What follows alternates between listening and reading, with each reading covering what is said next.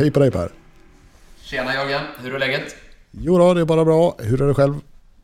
Jo men det, det är fint. Jag sitter i ett eh, lite gråmulet Östergötland här. Känner att vädret eh, passar bra för att spela in ett, ett intervjuavsnitt av, av Röntgenpodden. Ja, jag, jag tänker precis. på, du vet på tal om Östergötland, Lars Winnerbäck pratade om tandläkarväder i någon av sina låtar. Det här är väl eh, poddspelarväder då kanske? ja, precis. Ja, själv sitter jag på Gotland eh, och det är väl inte något strålande väder här idag heller. Det var, igår var det väldigt fint, då var vi ute på lite promenader. Jag, är här på sportlovsledighet nämligen, har tagit med mig ett av barnen. Men eh, just nu är det lite grådaskigt så att det passar utmärkt att, att podda. Vi har ju ägnat en hel del tid åt eh, den här kursen i basal akutradiologi som gick för ett par veckor sedan. Så att, eh, för egen del har jag väl varvat ner lite efter den. Det brukar ju vara rätt mycket jobb med den. Ja, och så, så också denna gång. Alltså, vi får väl ha en, en begränsad totaltid som vi sätter, sätter av för eh, projekt som inte är vare sig eh, arbete eller fritid eller vad man nu ska kalla det, utan poddande och kursverksamhet och, och alla projekt vi har för oss, så att säga. Ja, precis. Nej, men så att nu, nu har vi fått tillräckligt med energi för att köra ett nytt poddavsnitt. Jag tänkte på det. Eh, vi har aldrig kört någon, någon sån här pressutblick riktigt. Vi diskuterar ju artiklar, vetenskapliga artiklar framförallt. Men det, här, det som står liksom vanliga eh, media och så, det diskuterar vi inte så mycket. Så jag funderar på om man skulle köra ett sånt inslag här i början av podden. Vad tror du om det? Jo, men sätt igång bara. Jag vet ju sen förberedelsen att du har läst eh, tidningen i ovanligt hög grad de senaste veckorna och hittat eh, mycket artiklar med bäring på vården. Ja, precis. Och det, det var lite så här, eh, för jag lyssnade igenom några av våra gamla avsnitt också. Och bland annat det här avsnittet där vi intervjuade Vitali Gråsman om lungcancerscreening.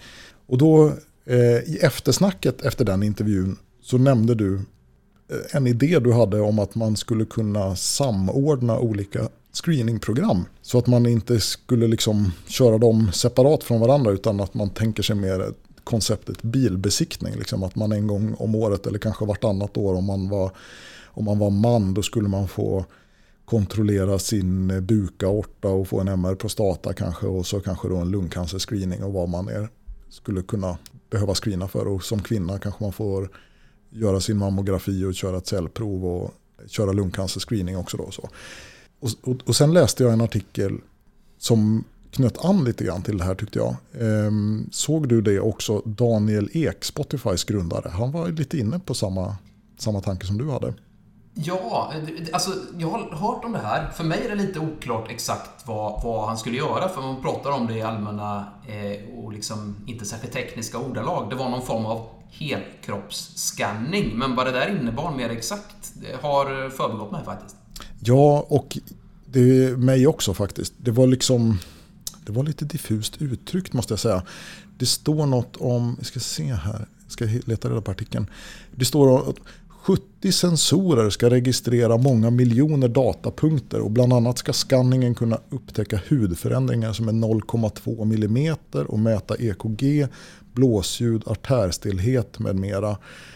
Eh, det här är då liksom i syfte att hitta sjukdomar i tidigt skede så att man ska kunna förebygga mer allvarliga sjukdomstillstånd och på så vis då spara pengar till vården. För att det var liksom ett, ett av vad ska man säga, försäljningsargumenten eller argumenten för den här metodiken. Det var då att det, det går åt väldigt mycket resurser till vården och den, det ökar ständigt och det, det är liksom inte hållbart med den här exponentiella ökningen av Eh, resursförbrukning i vården och då skulle det här vara ett sätt att spara pengar. Jag får liksom inte riktigt ihop hur metoden att leta efter minimala förändringar hos friska personer ska kunna spara pengar. Men du kanske fattar det bättre än vad jag gör. Nej, men det gör jag inte. Men jag, jag får en känsla av att det, det, är eh, den vanliga visan, om jag får uttrycka mig så. Alltså man, man, man ser framför sig att eh, vården är lite senfärdig och lite ineffektiv. Om man bara hittar alla de här sjukdomarna på ett tidigt stadium skulle man med en liten åtgärd kunna behandla dem och därmed spara mycket resurser. Så att säga att man inte riktigt ser den, den förmodade mängden av, av oklara fynd som på något sätt ska följas upp och handläggas. Det vill säga att man tror det är lätt att avgöra friskt och sjukt på ett mer binärt vis, så att säga.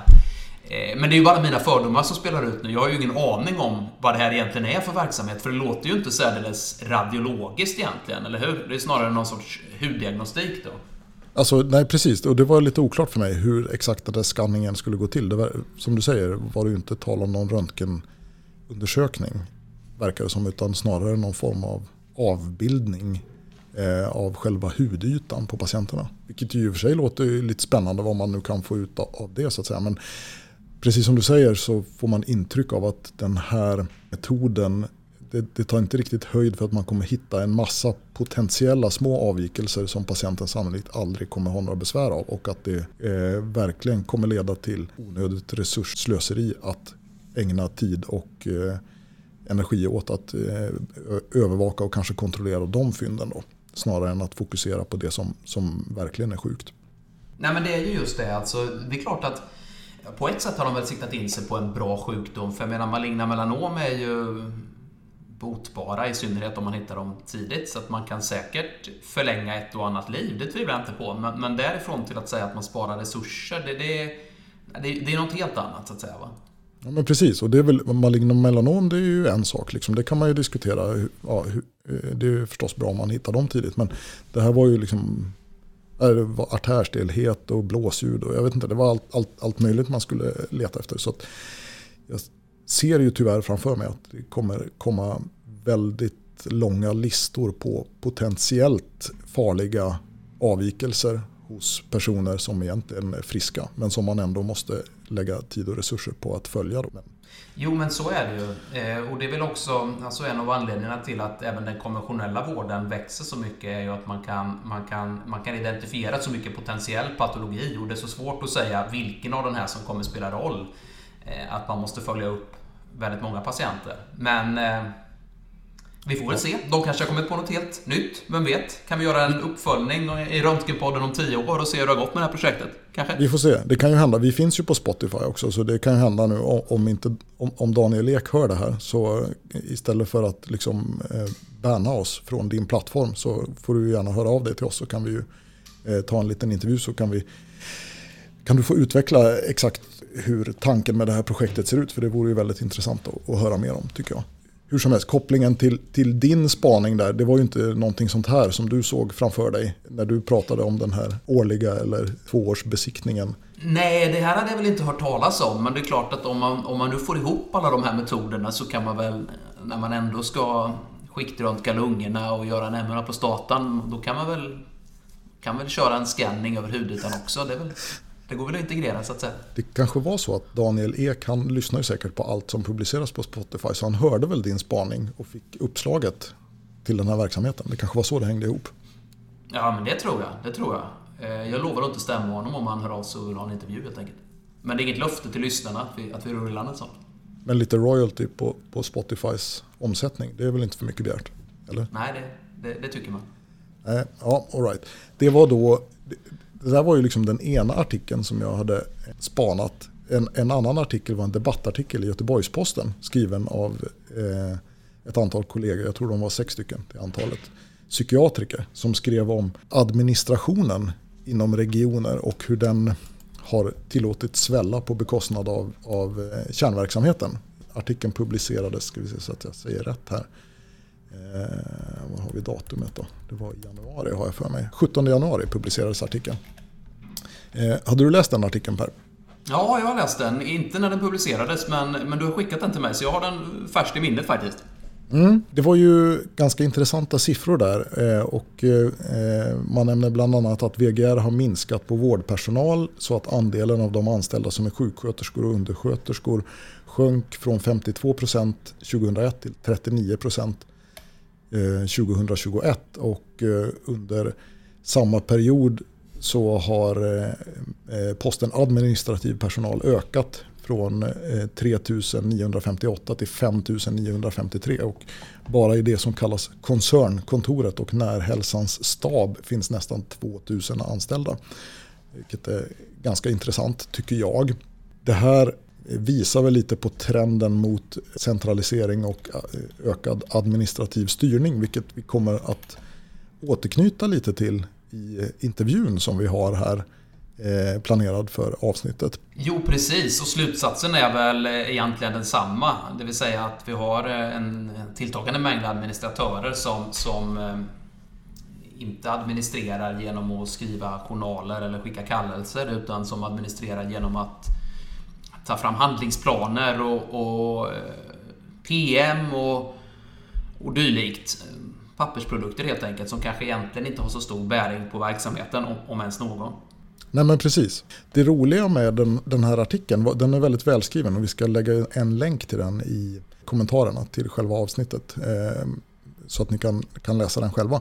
Men det som var lite roligt var att eh, strax efter att artikeln publicerades så kom det faktiskt nyheter från eh, Västra Götalandsregionen att man kommer med ett initiativ att faktiskt minska på anslagen till administrativ personal. Eh, så att det verkar ju som att den här artikeln faktiskt tog skruv och det är ju lite hoppingivande kan jag tycka. Verkligen, verkligen.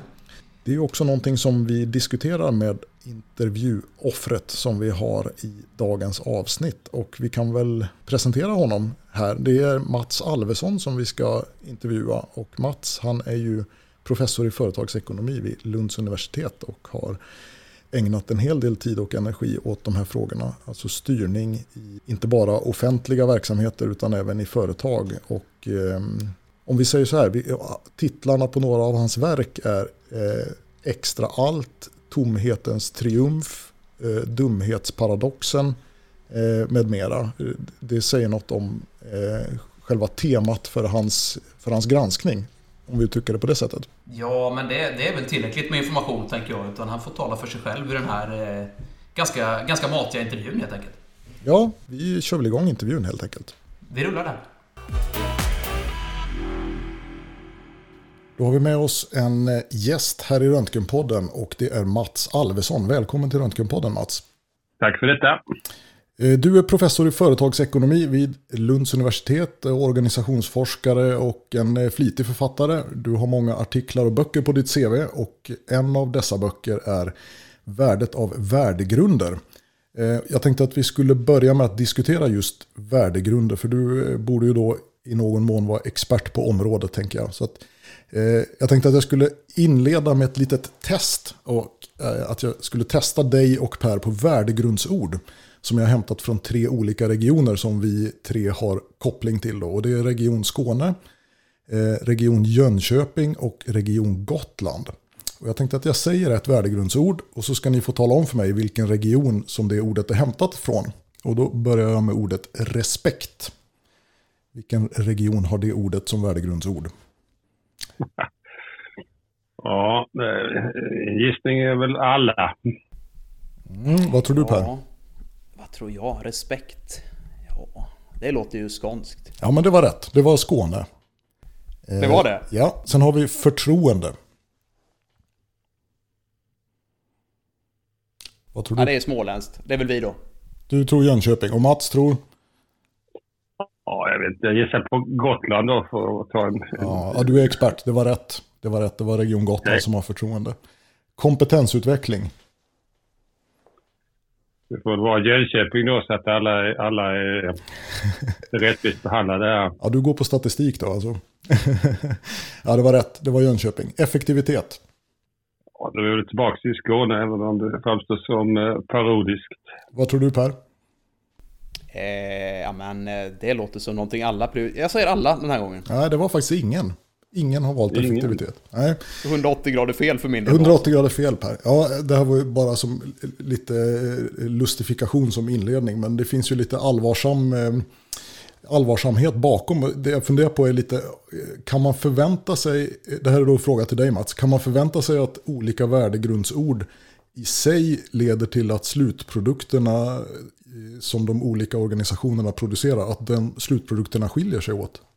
Nej, det kan man inte. Eh, klart inom näringslivet och i vissa speciella organisationer så kan man nog tänka sig att det kan finnas en viss eh, samstämmighet. Eh, ofta drar man till med IKEA då som ett, eh, ett, företag som är lite distinkt och historia och, och eh, där man har kunnat styra det här genom grundaren och framgent och där kan det ju finnas en, en, en, en, liksom en koppling.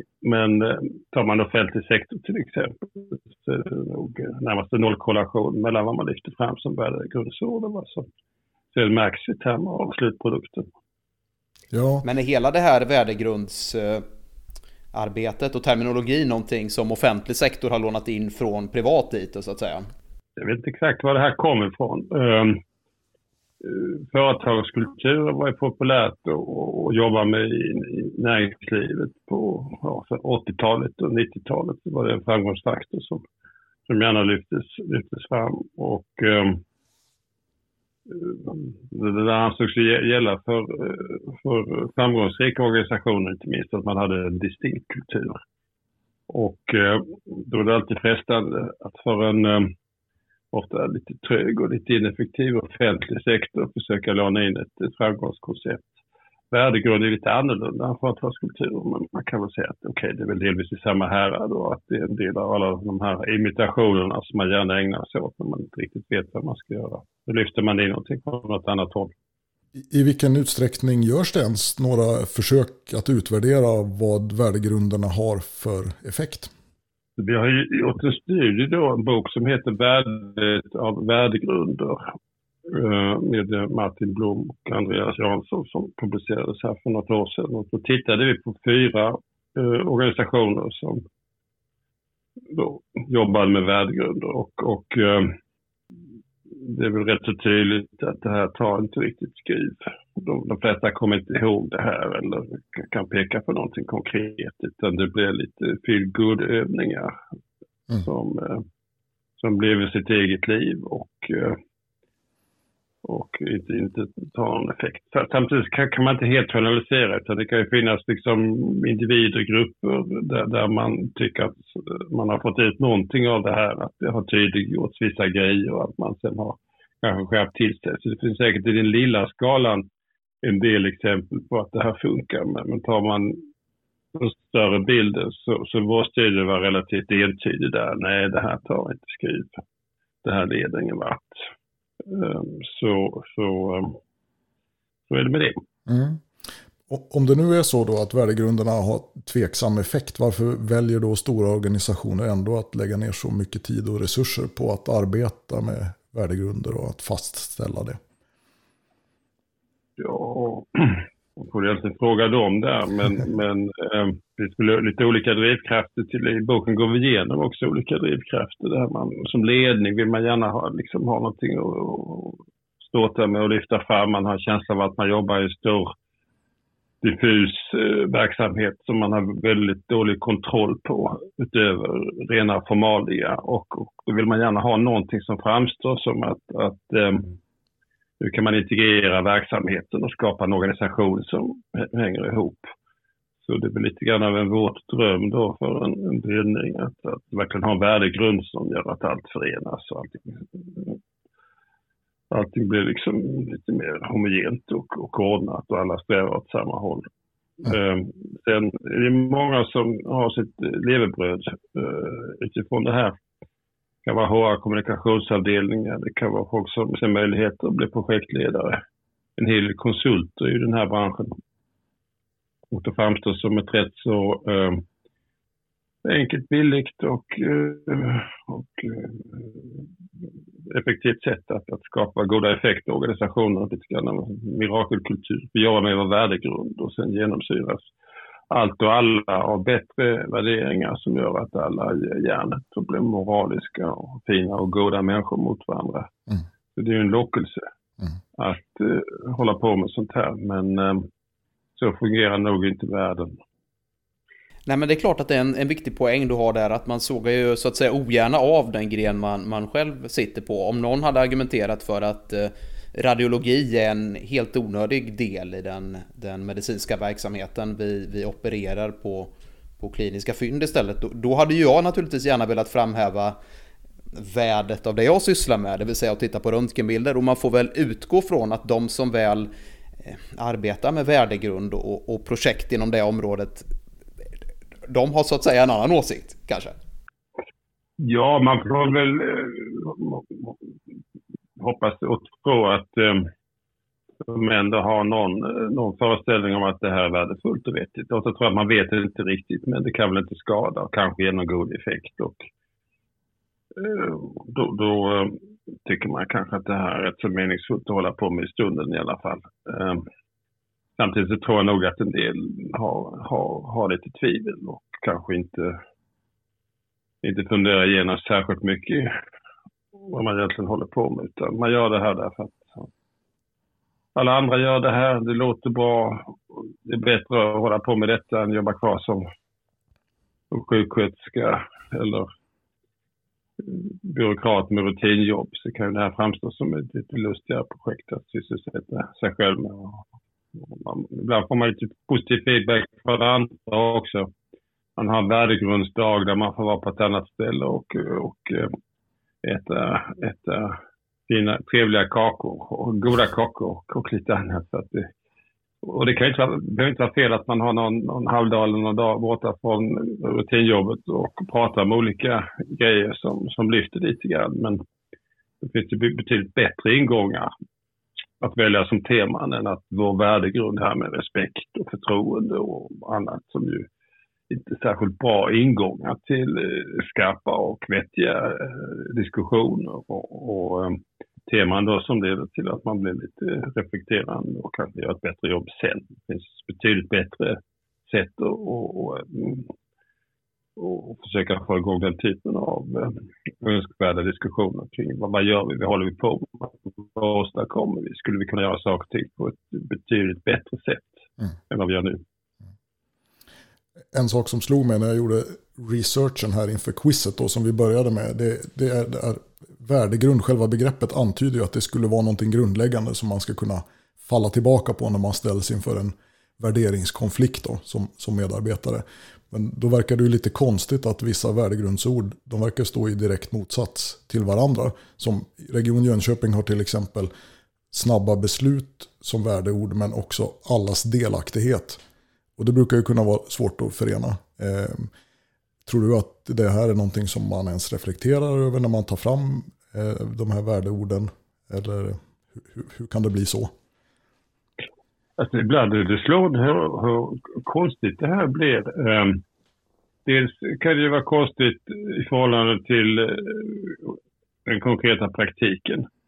En större kommun eh, eh, lyfter fram kreativitet och mod just som värdeord. Och frågan är om det är det man i första hand håller på med i en kommun. är man väldigt kreativ och väldigt modig där så undrar jag om man, man uh, verkligen har hamnat rätt i tillvaron. Det är helt andra ideal som normalt genomsyrar en kommun.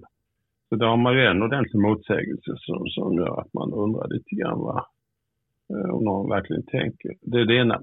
Sen det andra är ju att ibland finns det ju inom de här värdegrundsorden en konstig eh, motsägelse.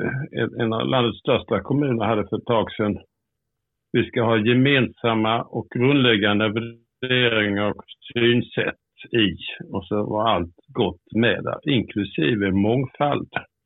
Mm. Och det är väl normalt så att gemensamma och grundläggande värderingar och synsätt innebär att man inte är så tolerant i förhållande till mångfald. Därför att mångfald borde väl definieras som att man har olika synsätt och, och värderingar. Om man nu inte med mångfald menar olika pigmenteringsgrad av, av anställda, så hos de anställda. Så eh, det var en ordentlig eh, konsistens eller till och med direkt motsägelse redan i formuleringen av det här. Mm. Och som du säger här Jörgen så, så, um, så, så, blir det liksom ofta väldigt konstigt. Och det är ungefär som att de som hittar på det här, ja, det här har vi ett antal ord som låter bra, vi är med på detta, ja det är vi väl.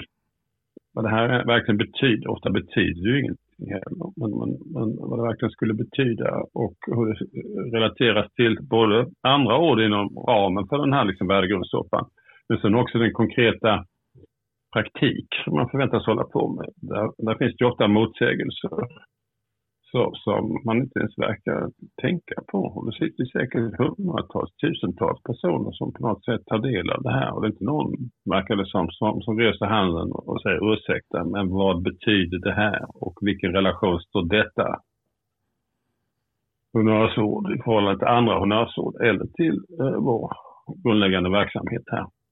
Men, och, så ibland känns det som att folk är rätt så tanketomma när de håller på med den här typen av grejer. Eh, men om man ska eh, tänka motsatsen och tolka generöst då, att det finns en eftertanke bakom, då funderar jag på, kan det finnas en poäng med att ha motsägelsefulla ord? Eh, det vill säga att, att man kanske ska kunna välja eh, värdeord utifrån vilket beslut man fattar i en given situation, så att man alltid ska kunna hitta stöd i värdegrunden, oavsett vad man beslutar. Eller är det för konspiratoriskt tänkt kanske? Ja, nej, men så är det väl med en del, del texter och policies att du kan göra nästan vad, vad, som helst här, för det finns alltid något som detta kan motivera. Ja. Så, så, men ibland blir det lite konstigt där för att eh, det var en kommun som vi studerade också den här boken, Värdet av värdegrunder. Eh, där vi också lanserar lite alternativ till det här med värdegrundsarbete för att komma åt eh, hur folk tänker och vad har för föreställningar, för ideal och innebörd och sånt där. Så att man kan inte bara, ska inte bara vara kritisk utan vara konstruktiv också. Men i alla fall i boken så är det ett exempel från en kommun där um, man uppmärksammades för en så kallad gruppsexbild där ett kommunalråd och två kvinnliga kommunalråd och två manliga kollegor fångades, Eh, eller selfie var det väl, som de skickade ut. Där de, hon stod framåtböjd och den ena stod bakom henne och den andra mannen stod framför henne och gav henne en, en pilsnerflaska. Så det framstod då för snuskiga människor som en gruppsexbild. Och det här uppmärksammades ju då på bred front och, och det stormades en del kring detta. Och då fick ju kommun Chefen eh, frågan, hur ser du på det här? Och han tog kraftigt avstånd. Det här tar vi verkligen avstånd. Det strider helt mot vår värdegrund, påstår han. Mm. Men det visade sig att värdegrunden i kommunen, det är eh, värme, engagemang och närhet. Så man får väl säga att just den här bilden den illustrerade väl värdegrunden men, men i hans uttolkning av det hela så, så verkligen någonting som stred mot deras värdegrund. Ja, just det. Och, och, eh, så där får man väl säga att, att hans utsaga kanske inte riktigt fick eh, fullt stöd i den uttalade värdegrunden. Men det här är ett väldigt intressant exempel för ofta uppfattar jag eh, när det är en eller annan skandal att man, man, känner igen de här replikerna. Det här går inte emot vår värdegrund och eh, vi ska se över våra rutiner så att säga. Eh, och därmed slipper man ofta en, en eh, diskussion som kunde varit intressant. I det här fallet hade man kunnat tänka sig att det kunde vara intressant att prata om hur kommunanställda beter sig på sociala medier och vad är okej som satir och humor och vad ger en, en dålig bild av, av kommunen i det här fallet så att säga. Men, men alla de här värdegrundsorden står snarare i vägen för en sån diskussion än, än hjälper den på traven. Ja, och um, så, så är ofta fallet. Tar man sådana här, det är klart man kan ju liksom använda ord. Ja, vad är effektivitet och vad är respekt och vad är förtroende och vad är öppenhet och, och högt i tak. Och, alltså allt det där kan ju liksom leda till möjligen intressanta diskussioner. Så eh, samtidigt som att ibland, ja det är väl liksom bara att hålla med om att alla ska väl liksom respekt. Man kan ju inte vara emot det där. Även om jag själv kan inte tycka att det vore bättre med lite mer respektlöshet lite mer liksom kritiskt ifrågasättande och, och lite mer satir och, och eh, annat eh, istället. Så, så, eh, men ja, i princip man kan ju tänka sig då att, att alla ord kan ingå i en, en bra diskussion. Men det gäller liksom allting, ta vad, vad för någonting som helst nästan. Det behöver inte vara speciella värdeord, utan det kan ju vara vad man vill, alltså vad, vad, mm, vad är strategiskt? Vad är kompetens? Vad är kvalitet? Vad är eh, väl utfört arbete och bla bla bla. Det finns ju hur mycket som helst som man kan diskutera och, och eh, ska det vara liksom meningsfullt så måste det vara genomtänkt, det måste liksom vara lite lokalt relevant. Vad är viktigt för oss att diskutera här och nu? Och det är inte så att alla jävla, en hel region nödvändigtvis har samma intresse eller relevans, finns samma relevans för att prata om respekt eller förtroende eller vad det är för någonting. Mm. Utan, utan det finns förmodligen frågeställningar och problem på, på olika håll och kanter som är relevanta för olika grupper. Det är väl bättre att de tar upp det där Att man utgår från vad är viktigt för oss att diskutera för att få lite, lite höjd på våra diskussioner, men utan att det här blir eh, lika relevant som att diskutera FNs deklarationer om de mänskliga rättigheterna. Mm. Jag tänker på en äldre kollega som, som eh, var lite uppgiven inför det där. Han, eh, han sa att vi har ju under hela min långa karriär utvecklat oss och det sättet vi arbetar på den här röntgenkliniken. Arbetet under ständig förändring och det ständiga förbättringar men det är liksom det är få som har gjort fina diagram över det och på något sätt är det så att det inte riktigt räknas. Och det där tycker jag är lite intressant för att ofta upplever man ju så att säga att faktisk utveckling i det lokala arbetet det är ett spår och sen hur det ska vara enligt eh, policies och riktlinjer det är ett annat och lyckas, lyckas man förena det där så är det mer för att man så att säga gör den nödvändiga förändringen först och lyckas visa att det är enighet med värdegrunden därefter så att säga. Inte tvärtom. Det var helt rätt. Att, att, eh, ofta är ju idealet att nu skulle det vara storskaliga, standardiserade, rätt etiketterade förändringar. Som helst alla skalar på vad som verkligen kan lyftas fram här i, i central kommunikation och i högtidstal av, av högre chefer och andra. Eh, det liksom ser bäst ut och då har man liksom gjort någonting som politiker eller ledning eller eller andra som lite mer centralt placerade på betryggande avstånd från kärnverksamheten. Mm. Men vad som ofta är idealet är att man, man jobbar mycket mer konkret med en specifik verksamhet och eh, ser till så att den här då förbättras eller, eller lyfter. Och det, det, kräver att man utgår från den konkreta praktiken snarare än en övergripande plan, ett antal slagord eller standardiserat för, för förbättringskoncept. Och ibland kanske detta Eh, möts. Men som du säger, det är väl lite mer slumpmässigt om så är fallet. Och ibland är väl utmaningen mer att okej, okay, kan vi formulera det här på ett sådant sätt som gör att det framstår som inte bara 90 gritties på väldigt lokalt plan utan att, att vi kan, kan kanske beskriva det här och kommunicera det här på ett lite, lite tydligare, lite mer övertygande sätt. Och då kanske en del av de här honnörsorden eller eh, övergripande projektidéerna kan nyttjas i sammanhanget. Men ibland blir det lite krystat och ibland är det kanske bättre att lyfta fram eh, det väldigt konkreta så gott det nu går. Jag uppfattar ju att en skicklig chef eh, behöver ha den här förmågan att så att säga balansera den högre ledningens önskemål om att följa de fluffiga värdegrunderna å ena sidan och å andra sidan medarbetarnas krav på så att säga lösningar på konkreta frågor. Eh, det är nog inte helt lätt att vara chef och försöka filtrera de här verkligheterna mellan sig, tänker jag. Nej, nej men det är det nog inte. Och, och ehm, um, har man integritet och självförtroende och tänkt till några varv och um, allmänt duktig så har man väl ett annat eh, manövreringsutrymme. Men en del uh, en del har ju lite grann överknäckt mentalitet som man ska lyda och man eh, vet inte riktigt hur man ska göra och det är liksom lättast att följa tropp.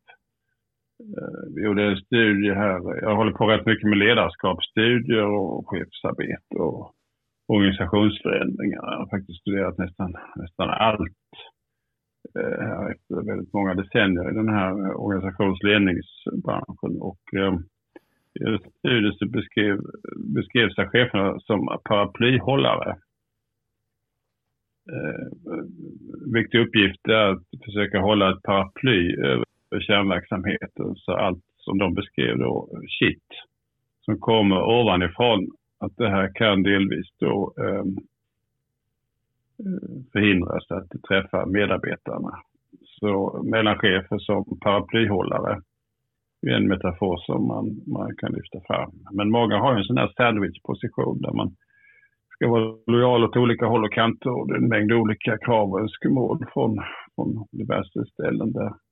Ibland kan det vara så att medarbetarna vill ju också gärna ha, ha liksom privilegier och inte behöva jobba för mycket och mer resurser och, och Eh, undvika kvälls och hälsoarbete och eh, andra besvärligheter i tillvaron. Så det är hela tiden där balansgång som man har. Mm. initiativet till den här typen av övningar och policyarbete och värdegrundsarbete och så, det, det kommer ju eh, oftare från eh, den administrativa sidan än från, från golvet så att säga i, i stora organisationer. Jag, kommer att tänka på en, en, gäst som vi haft tidigare i podden som heter Erik Eriksen, och kallas för rebellkirurgen, som har jobbat i eh, Etiopien under flera år som ensam kirurg på ett sjukhus med 100 sängplatser. Och, eh, ibland så funderar jag på hur det skulle ha tagits emot om han eh, samlade personalen för eh, att sitta en vecka och utarbeta en värdegrund istället för att han ställde sig och opererade. Det, det hade liksom blivit lite konstigt tror jag. Och eh, när vi pratade med Erik då, då vittnade han också om hur, hur eh, svårt han tyckte det var att komma tillbaka till, till Sverige och jobba igen i verksamheten här. För han tyckte allt var krångligt och att ingenting riktigt blev gjort. Då. Så eh, det jag tänkte fråga, den, den här liksom överdrivna administrationen, Eh, är det liksom ett lyxproblem, kanske ett symptom på att vi, vi har det ganska gott ställt och kan unna oss den här typen av verksamhet? Ja, har man mycket resurser, och det har man ju uppenbarligen, så, så får man väl lätt en väldig eh, anhopning av av policies och procedurer och mötesritualer. Överdrivet fylla i papperarbeten med grister och andra som ska kolla att allt går absolut rätt till. Så, så har man för mycket resurser så leder det ofta till eh, ineffektivitet. Och um, på många håll och kanter har vi nog inte ett resursproblem utan att det är så pass mycket resurser så att det urholkar kärnresurserna. Mm om du har administrativa jobb och klart en, en bra administration krävs ju. Det är liksom helt, helt avgörande, inte helt avgörande, men det är väldigt viktigt för en verksamhet. Men, men om det nu blir liksom för många, för många experter, för många funktioner, för många nivåer etc. etc. så genomsyras ju organisationer av folk som eh, har sina sidoperspektiv och sina särintressen och, och eh, det innebär ju då att, att eh, du får en ackumulation av särperspektiv och särintressen som gör att, eh, att kärnverksamheten försvinner lite grann i någon slags töcken out there. Mm. Och det blir viktigt att nu ska alla liksom, arbetsmiljöregler och kvalitetssäkringspåfund och ekonomistyrning och allt annat. Det ska skötas till punkt och pricka. Och eh, det är folk som noga bevakar att just det här ska vara på sin plats. Och får du en ackumulation av allt detta så, så tar det väldigt mycket tid, kraft, resurser. Det blir väldigt mycket tröga system. Mm. Samtidigt som en del fungerar ju liksom hyfsat ändå och en del misstag och problem kanske kan undgås. Men, eh, det är nog ett stort problem att man kanske skulle vilja att, eh, att vi accepterar en del eh, ofullkomligheter när det gäller liksom det administrativa och det arbetsmiljömässiga och, och allas rättigheter till allt möjligt. Eh, om, om skulle sen kanske innebära att själva kärnverksamheten skulle få mycket mer tid, kraft, resurser och fungera oerhört mycket bättre. Kan man skära ner på onödigheterna så, så ska man då kunna åstadkomma betydligt mer med avsevärt mindre resurser till typ sjukvården som helhet. Mm. Ett eh, begrepp jag tänker på när jag hör ditt namn, jag har inte läst dina böcker, men, men det är begreppet funktionell dumhet. Det läste jag om i någon Ehm, spalt och jag tyckte det var väldigt träffande. Vill du berätta lite om det för lyssnarna som eventuellt har missat den här eh, dumhetsparadoxen som du var medförfattare till, där jag tror att ni lanserade det här begreppet? Ja, mm, det gjorde vi och ehm, eh, begreppet funktionell dumhet det inkluderades officiellt svenskt språkbruk faktiskt för några år sedan och eh, vi, vi kom på begreppet och eh, som har status då som officiellt svenskt begrepp. Vilket ju man får som upphovsmakare vara nöjd med. Eh, men medförfattaren Anders Bergs och jag vi tänker så här att funktionell dumhet innebär att man på något plan är, liksom är funktionell. Man anpassar sig till system och förväntningar och, och, och strukturer och gör gör eh, som det är tänkt eller överheten tycker man ska göra. Så det är meningen så är välanpassat i förhållande till, till system och, och allmän opinion och vad det nu är för någonting. Men det är också dumt därför att det innebär att man tänker alldeles för snävt. Så den funktionella dumheten innebär att du rör dig inom då vissa antaganden, idéer, du anammar visst språk, språkbruk, typ värdegrundstycket. Um, ehm, eller du följer noga alla lagar, förordningar, regler, paragrafer. Ehm, du håller dig väldigt snävt till befattningsbeskrivningen. Och eh, är allmänt eh, rimligt kompetent men också väldigt snäv i dina tankesätt. Och det innebär då att, att eh, silotänkandet och en väldigt avgränsad systemavgränsad eh, konceptualisering av problem och frågor dominerar. Blicken höjs inte riktigt och man vidgar inte perspektivet utan eh, snävseende, silotänkande som man styrs av och det här är välanpassat till moderna organisationer som är rätt så byråkratiska och präglade av väldigt hög grad av arbetsdelning. Och alla anpassar sig till det här och det gör ju då att, att eh, man får rätt mycket suboptimering. Och där frågor typ vad är meningen med det här? Vad leder det här till för någonting? Skulle vi kunna göra på andra sätt? måste vi inte egentligen vara lite mer flexibla och, och uh, runda en del hörn här för att få det hela att fungera. Nej, det här är liksom regler, det har ledningen bestämt, så gör alla andra, etc. etc. Det blir styrande för verksamheten. Så funktionell dumhet, du är rimligt kompetent, men på ett snävt sätt och vad som framstår som rationellt och rimligt blir utifrån en vidare betraktelse tämligen problematiskt och enfaldigt. Men man är obenägen att tänka lite lite vidare kring vad man egentligen gör och kring eh, möjliga alternativ för hur man skulle kunna fungera. Är det ett förhållningssätt som är medvetet eller omedvetet skulle du säga, eller är det både och? Ja, jag tror också det är en blandning mellan detta att, att uh, en del om du är liksom väldigt byråkratiskt eller hierarkiskt lagd så insisterar ju på det här och uh, ser det som en bra princip. Det blir liksom, om folk försöker tänka själva så blir det inte bra utan här ska man tänka i enlighet med, med policies och reglementen och professionsideal och annat inskränkande. Och det kan vi ha det som medveten förhållning. Andra är liksom, man tänker inte på det här. Alltså det är klart, så här. Så gör alla andra. Så mm. brukar det fungera. Det här är min befattningsbeskrivning. Vad som ligger utanför mitt jobb, det, det funderar jag aldrig på. Så en del är ju då lite eh, skrämda av, av, av uh, folk som försöker tänka mer självständigt och fritt. Uh, och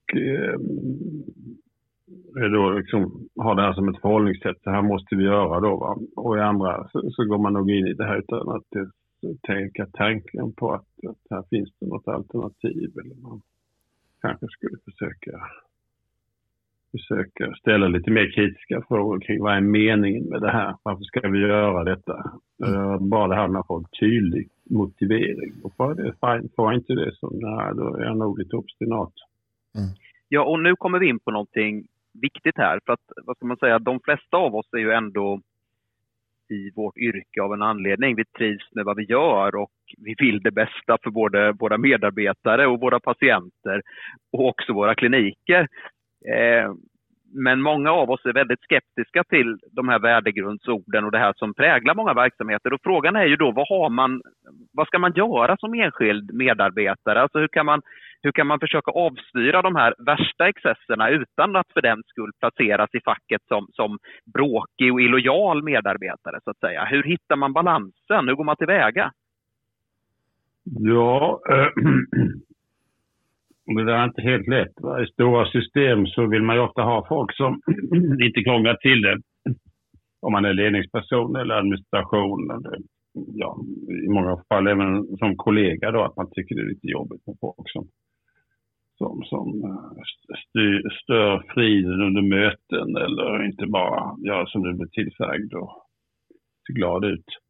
Så det där är alltid lite knepigt. Ehm, um, vad man gör då, alltså jag tror, tänker man till och liksom eh, har, har då, jag har funderat kring det här och um, jag undrar lite grann hur det här egentligen kan motiveras. Alltså, man kan ställa sådana där frågor som, som, är lite eh, öppnande. Vad är meningen med det här? Vad kommer det här leda till? Är vi rimligt säkra på att det här kommer att leda till förbättringar för patienter och för för personal och för resursutnyttjandet. Eh, hela tiden har några sådana där frågor. Och tycker man det är lite jobbigt att ställa dem där själv så kan man ju föreslå att man, har, man för det här lite grann till protokollet. När vi har något möte och det kommer något, något påfund som jag kallar det ibland för. Jag menar vissa grejer är helt rimliga och självklara då så det är bara liksom acceptera det och jobba vidare. Men ibland tycker man att det här är något tveksamt och möjligen kontraproduktivt man, man, kan ju föreslå att vi, vi, vi liksom har en, en sån här som en stående punkt när det gäller om det är någon som viftar lite grann med fingret diskret att man kollar den här listan. Eh, är det här, begriper vi det här? Är det här meningsfullt? Är vi rimligt säkra på att det här leder till något positivt? Kan vi möjligen då komma med motförslag eller säga att vi vill gärna ha dispens från detta detta påfund. Alltså man kan ju ha det där som liksom en stående uh, grej då på automatik om det nu inte så att folk själva lyfter fram det här utifrån att de gillar att tänka till och ha ett visst mått av integritet och ansvarskänsla. Mm. Har inte folk det så kan man ju försäkra, okej okay, vi, vi, vi, liksom, vi har det här som en punkt. Så. Och eh, om folk, chefer och andra då konstaterar att det här har vi diskuterat och vi är alla rätt så tveksamma till detta Ja, då kan ju personalen ha krav på att ledningen eller vi alla då liksom skriver det här och meddelar högre chef eller, eller eh, vilken nivå då som är ansvarig för det här att här är vi tveksamma till detta och möjligen CC ett antal andra kliniker som man tror skulle möjligen ha samma hållning som en själv och då har man en tydlig feedback och så får man se vad som händer sen. Och ibland kan man ju helt enkelt eh, som chef säga ja vi försökte med det här men medarbetarna var emot det hela. Jag kan liksom inte köra över dem eh, kring detta. Och ja, det finns liksom ett litet kryphål. Så mot de överdrivet lydiga kan man ju ibland då liksom ha lite sådana här antingen spontana eh, inlägg eller också att man har lite systematik kring det här som gör att det blir lite mindre beroende av att det är någon som, som ställer sig upp och, och eh, säger något. Man kan också ha en mängd andra typer av eh, eh arrangemang i en organisation. Som eh, du vi beskriver det där i, i dels i den här uh, dumhet, dumhetsparadoxen om den funktionella dumhetens fördelar och fallgropar. Och en kommande bok om dumhetsbekämpning som jag skriver med en, uh, klinikchef, överläkare, kardiologi för övrigt. Uh, där vi tar upp eh, olika sätt att jobba på det. Men det är det på individnivån. Det kan man också på gruppnivån, som man nyss antydde, försöka ha lite motinstanser. Man kan ta lite egna initiativ också. Ibland är det så där att det inte bara administration och ledning som möjligen kan vara korkad, utan det kan man ju själv vara också. Man liksom fastnar i vissa arbetssätt och vissa konventioner och håller på med allt möjligt som man tar för givet. Och ibland kan man ju ha, um, ha lite aktiviteter, typ kan vi göra saker och ting på rätt annorlunda sätt? Här? Kan vi ha en annan typ av arbetsdelning, en annan typ av bemanning? Kan vi liksom deltona vissa typer av frågor? Kan vi använda resurserna på betydligt bättre sätt? Kan vi överkomma den här typen av, av, av rätt så snäva arbetsdelning som, som ofta leder till att man blir lite lite uh, silotänks-minded i hur man fungerar. Jag vet inte vad ni gör här mina herrar, men, men om man är röntgenläkare, är man bara röntgenläkare eller jobbar man ibland på akuten eller någon annan typ av verksamhet i sjukhuset så man får lite annat, lite bredare perspektiv. Eh, man kan ju tänka sig att man försöker göra någonting som gör att, att, att man får lite tydligare impulser från andra håll och kanter eller får lite bättre överblick över vårdkedjan eller vad man nu vill för någonting. Mm. Så, um, så man kan nog göra en hel del också för att förbättra den egna lokala verksamheten genom att ha lite andra typer av inspel och annan idéinredning. Och sen komma med förslag också. Det är så att man gör jobbet och så gör man inget annat än det här. Jag sköter jobbet väl och intresserar man det för sånt som är väldigt uppenbart i, min närmiljö. Eh, men man kan ju också tänka sig att man försöker något bredda perspektivet och så ha idéer till eh, klinikledning, till eh, sjukhusledning eller regionledning eller vilka det nu är kring hur man kan göra saker och ting på ett bättre sätt. Mm. Så lite mer av egna lokala initiativ skulle man kunna iscensätta genom att man bestämmer sig att vi ska ha ett par idéer varenda år som vi signalerar utåt. Mm. Och fram med, fram med brännvinet nu så att vi blir lite mer kreativa och modiga. Det kan ju vara en sån här gammalmodig signal kring, hur man kan göra för att få lite fart på, på, på tankeverksamheten på lite okonventionella sätt. Eh, sen kan ju man kräva av ledning, ledningar också på lite olika nivåer att man gör annat. Tillsätt en, en, en, en eh, uppdragsstyrka som går igenom verksamheten. Eh, vad är onödigt? Vad är kontraproduktivt? Vad kan vi plocka bort? Vad borde vi kunna göra på alla andra sätt? Och om man då har någon sån där projektgrupp så kan ju de, de träffa folk, de kan ta emot uh, olika typer av förslag kring vad man skulle kunna göra annorlunda etc. etc. Mm. Men att, att uh, utrensningar av dumheter, uh, välvalda omdirigeringar uh, av vad man håller på med är sånt som man kan tänka sig att man, man borde hålla på med som klinikledning eller sjukhusledning. Men det gör man rätt så sällan, tror jag. Avvecklingsprojekt kan ju vara ett tema. Vad kunde vi avveckla i termer av sånt som är tidskrävande men rätt så onödigt. Mm. Man kan jobba med andra också, typer av tricks. Man kan ha djävulens advokat. Man tror som att ha någon då som faktiskt har som uppdrag att ställa lite kritiska frågor. Och det kan ju vara sånt som är lite jobbigt för folk att höra, typ att de här mötena vi har är rätt så liksom tidskrävande eller ska alla behöva sitta med på allt det här och vad det är för någonting. Då kan man ha någon som är djävulens advokat och som har som uppdrag att ställa kritiska frågor och argumentera lite emot vad de flesta andra verkar tycka och tänka. Och det kan vara jobbigt, men ifall det är en officiell funktion, alltså lokalt officiellt och funktion, att nu är du här, du har fått och på det jobbet och vara lokalt i två månader. Det innebär att du inte bara ska sitta där och hålla med alla andra, utan att du faktiskt har förväntan på dig att ställa lite kritiska frågor. Du kan ju bara påminna andra att mitt jobb är här var djävulens advokat, även om jag håller med er om allt det här oerhört viktigt ditten och datten är. Som djävulens advokat skulle jag kunna hävda att. Mm. Och så har man utrymme då för att säga något sånt som folk kanske inte spontant då skulle vilja eller våga säga. Jag tycker det låter som en potentiell win-win. För det finns nog i de flesta arbetsgrupper så är det väl liksom vissa personer som har en tendens att yttra kritiska synpunkter lite mer än andra om man säger så. Och det kan ju, mm. vara, kan ju bli lite destruktivt ibland. Eh, att man liksom reflexmässigt motsätter sig eh, saker. Och att om man då får rollen som djävulens advokat så kanske man tar sig an det uppdraget på ett lite mer konstruktivt sätt. Det kan ju vara positivt även ur eh, arbetsledningens synpunkt, tänker jag. Ja, nej, det är inte då liksom att nödvändigtvis har de bästa kverulanterna typ på jobbet, utan det är mer att när det verkar verkligen vara intellektuellt motiverat mm. att hävda en annan uppfattningen än majoriteten. Så det behöver inte betyda att man har rätt, men att det liksom är bra att få lite, lite bredd på diskussionen. Mm. Jag tycker det här låter som utmärkta överlevnadstips för både chefer och medarbetare i, i organisationerna som saker och ting ibland ser ut. Men det är ju lite kittlande. Man vill ju gärna, man vill ju gärna ta det ett steg längre så att säga. Hur gör man en sansad revolution för att förändra systemet i grunden? Eh, för det är ju väldigt mycket resurser så att säga som går åt, både åt att formulera alla de här, mm, vad ska jag säga, fluffiga värdeorden och dessutom att anpassa sig till dem så att säga. Det hade ju varit allra bäst om man bara kunde skala bort en hel del av det här för alla så att säga. Ja, alltså vad man kan göra ibland, det kan man ju säga, nej det här gör vi inte. Vi tar bort allt som onödigt, vad som inte är kärnverksamheten till gang plockar vi bort.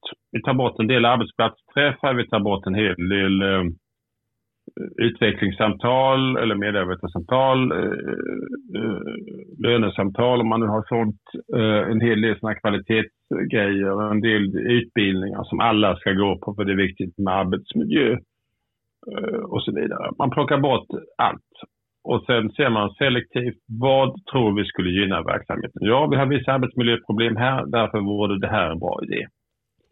Och så eh, när det kommer ett påbud ovanifrån så säger vi ja, det här passar väl in på oss, det köper vi. Nej, det här blir liksom snett om det är någon, någon som ska sälja in någon, eh, någon viss typ av lösning på vissa arbetsmiljöproblem. Vi har inga problem alls åt det här hållet. Däremot har vi problem åt något annat håll. Så vi tackar nej till det här och vi föreslår att vi vill ha resurser för att göra det här istället. Alltså man är mycket mer benägen att, att kritiskt granska allting. Plocka bort onödigheter och så gör man sånt som man själv tycker verkar vara lokalt. Och då, men då får man kolla upp det här rätt så noga så att man inte bara i sin egen självgodhet inbillar sig att man har rätt alla gånger. Men, men eh, det kan man göra lite grann. Öppna samtal, man kollar eh, eh, eh, nyanställda. Hur uppfattar du läget här? Ja, det här är rätt så hård rå jargong så man känner sig lite så här, det kanske vi skulle ta upp. Eller att folk verkar motsatsen då, att folk är väldigt försiktiga och liksom säger mycket i, eh, i kafferummet på möten säger man inget alls. Det är två liksom, olika typer av problem som antyder en dålig arbetsmiljö kanske. Och, och då får man ju ta tag i det här lite mer selektivt. Men att man är mycket mer benägen att inte följa det här utan att man man vill liksom passa uppifrån och ner. Utan man är lika benägen att, att uh, ta egna lokala initiativ och um, reagera med feedback och med motförslag i förhållande till initiativ uppifrån. Och man kan nog göra en hel del helt enkelt på så sätt att man struntar i sånt som ingen, ingen då väldigt noggrant eh, granskar och granskar de där så får man väl be om förlåtelse. Mm. Så rensa, börja om från början, eh, institutionalisera eh, en djävulens advokat. Eh, ja. Det låter som utmärkta tips. Och dessutom så har du bjudit på en alldeles utmärkt rubrik till det här avsnittet. Jag tänkte värdegrundsexpert till Röntgenpodden, kolon, fram med brännvinet. Det tycker jag blir en utmärkt rubrik. ja, alltså vad som ibland behövs, behövs på arbetsplatser det är då um, inte bara liksom kompetensutveckling och fina ord och policies och mer resurser och ökad professionalitet och allt annat som man bara kan sitta där som en annan fånig instämmande till. Ja, det här är viktigt och bra. Och sånt där. Men alltså, ibland krävs det ju att man har lite mer av integritet, lite mer av mod, lite mer självständighet. Och eh, Eh, brännvinet är det ett skämt förstås, men ibland tänka lite annorlunda och, och eh, om det då är sex, drugs and rock'n'roll eller det, det, det, är något annat. Men, men på något sätt lite frigöra sig från den här konventionaliteten och lydnaden och fyrkantigheten som, som ofta dominerar. Och eh, det kan ju vara liksom brainstorming-sessioner eller att man tar in kanske någon utifrån som som ställer frågan vad har ni egentligen på med här, varför gör ni detta? Mm. Så den här rebellkirurgen som ni nämnde tidigare, han skulle vara en utmärkt person att nyttja i olika typer av sammanhang där, mm. han skulle kunna liksom, faktiskt ta upp en hel del av de absurditeter som lätt följer när man har organisationer som genomsyras av alldeles för mycket system och strukturer och lösningar och experter och, och, och snävtänk och konventionalitet och den bekvämlighet som kanske man inte upplever alla gånger i, i kärnverksamheten om den är stress, stressad världen men, men som ändå kännetecknar en stor del av organisationerna som helhet. Mm. Jag tycker det låter som utmärkta slutord. Eller har du någonting att tillägga Per? Någon ytterligare fråga? Nej, jag tänkte säga samma sak. Att nu har vi fått uh tillfälle att runda av och vi har fått några fina pratminus till rubrikerna. Så att, eh, vi tackar dig Mats för att du besökte vår podd helt enkelt. Verkligen, stort tack. Stort tack för intresset och uh, lycka till. Tack så mycket. Tack. Ja Per, då har vi hört Mats Alvesson. Det tyckte jag var en, en väldigt intressant intervju, ett givande samtal. Um, jag kommer att tänka på det, eh, det här quizet vi körde i början. Eh, med värdegrundsord från region Jönköping och region Gotland och region Skåne. Du har ju bytt region nu. Ja, det stämmer. Du jobbar numera i region Östergötland. Hur är det med värdegrundskollen? Har du läst in dig på vad region Östergötland har för värdegrundsord? Nej, jag har ju inte det. Eh, jag vet inte om det är bra eller dåligt att jag inte kan dem efter två veckors tjänstgöring jag, jag ser det inte som en jättestor nackdel i alla fall. Men jag, jag gissar att om du hade... Jag gissar att det finns värdegrundsord. Om du hade lagt in dem i quizfrågorna så hade jag förmodligen inte kunnat skilja dem från de övriga tre regionerna. Det är väl en, en kvalificerad gissning. En, en intressant grej så här, det, det är att det får liksom inte bara vara ord heller, verkar det som. För att Region Jönköping, de har ju liksom orden ordnade i en blomma. Alltså en, en värdegrundsblomma. Och Region Gotland, de hade det i form av ett hus. Region Skåne eh, kommer jag inte ihåg riktigt om det var någon, någon liksom, eh, symbol som orden var inbakade i. Men hur är det med Östergötland? Det vet du inte heller då förstås. Om Region Östergötland är det liksom någon... Är de eh, arrangerade i fåror i en leråker eller hur tror du att regionen har valt att gruppera sina värdegrundsord? Du pressar mig förgäves här. I, I värsta fall så är det väl någon som blir inspirerad, men jag vet inte. Nej, nej det, där, det, vi får återkomma till det. Men vad, dina tankar och reflektioner kring den här intervjun? Vad, har du någon, någon, spontan kommentar sådär? Nej, men det, det, hade ju varit intressant att, att se, se lite mer forskning som så att säga intar en, en eh, Alltså som ställer frågan eh, vad är, vad är poängen? Helt enkelt. Ja, precis. Alltså utvärdering, det, det, verkar vara lite, lite skralt med det. Alltså, får, vad får det här arbetet som ändå är ganska resurskrävande, vad får det för konkret effekt på, på själva slutprodukten så att säga. Det har jag tänkt på också. Det, det, det är inte så ofta man ser någon sån genomgång. Ska vi konkludera att det, det, är högst osäkert om det behövs mer utveckling, men, men det kan vara så att, att det behövs mer forskning? det kan vi konkludera. Om inte annat så fick vi ju lite tips från Mats eh, hur man som medarbetare kan förhålla sig till eh, de här fenomenen när de dyker upp på ens egen arbetsplats. Och eh, där kan vi i alla fall säga att det krävs mer forskning. Och eh, om ni lyssnare vill bidra med den forskningen så är ni ju hjärtligt välkomna att göra det och hör gärna av er till podden om hur det har gått när ni har anammat tipsen som Mats kom med här på slutet.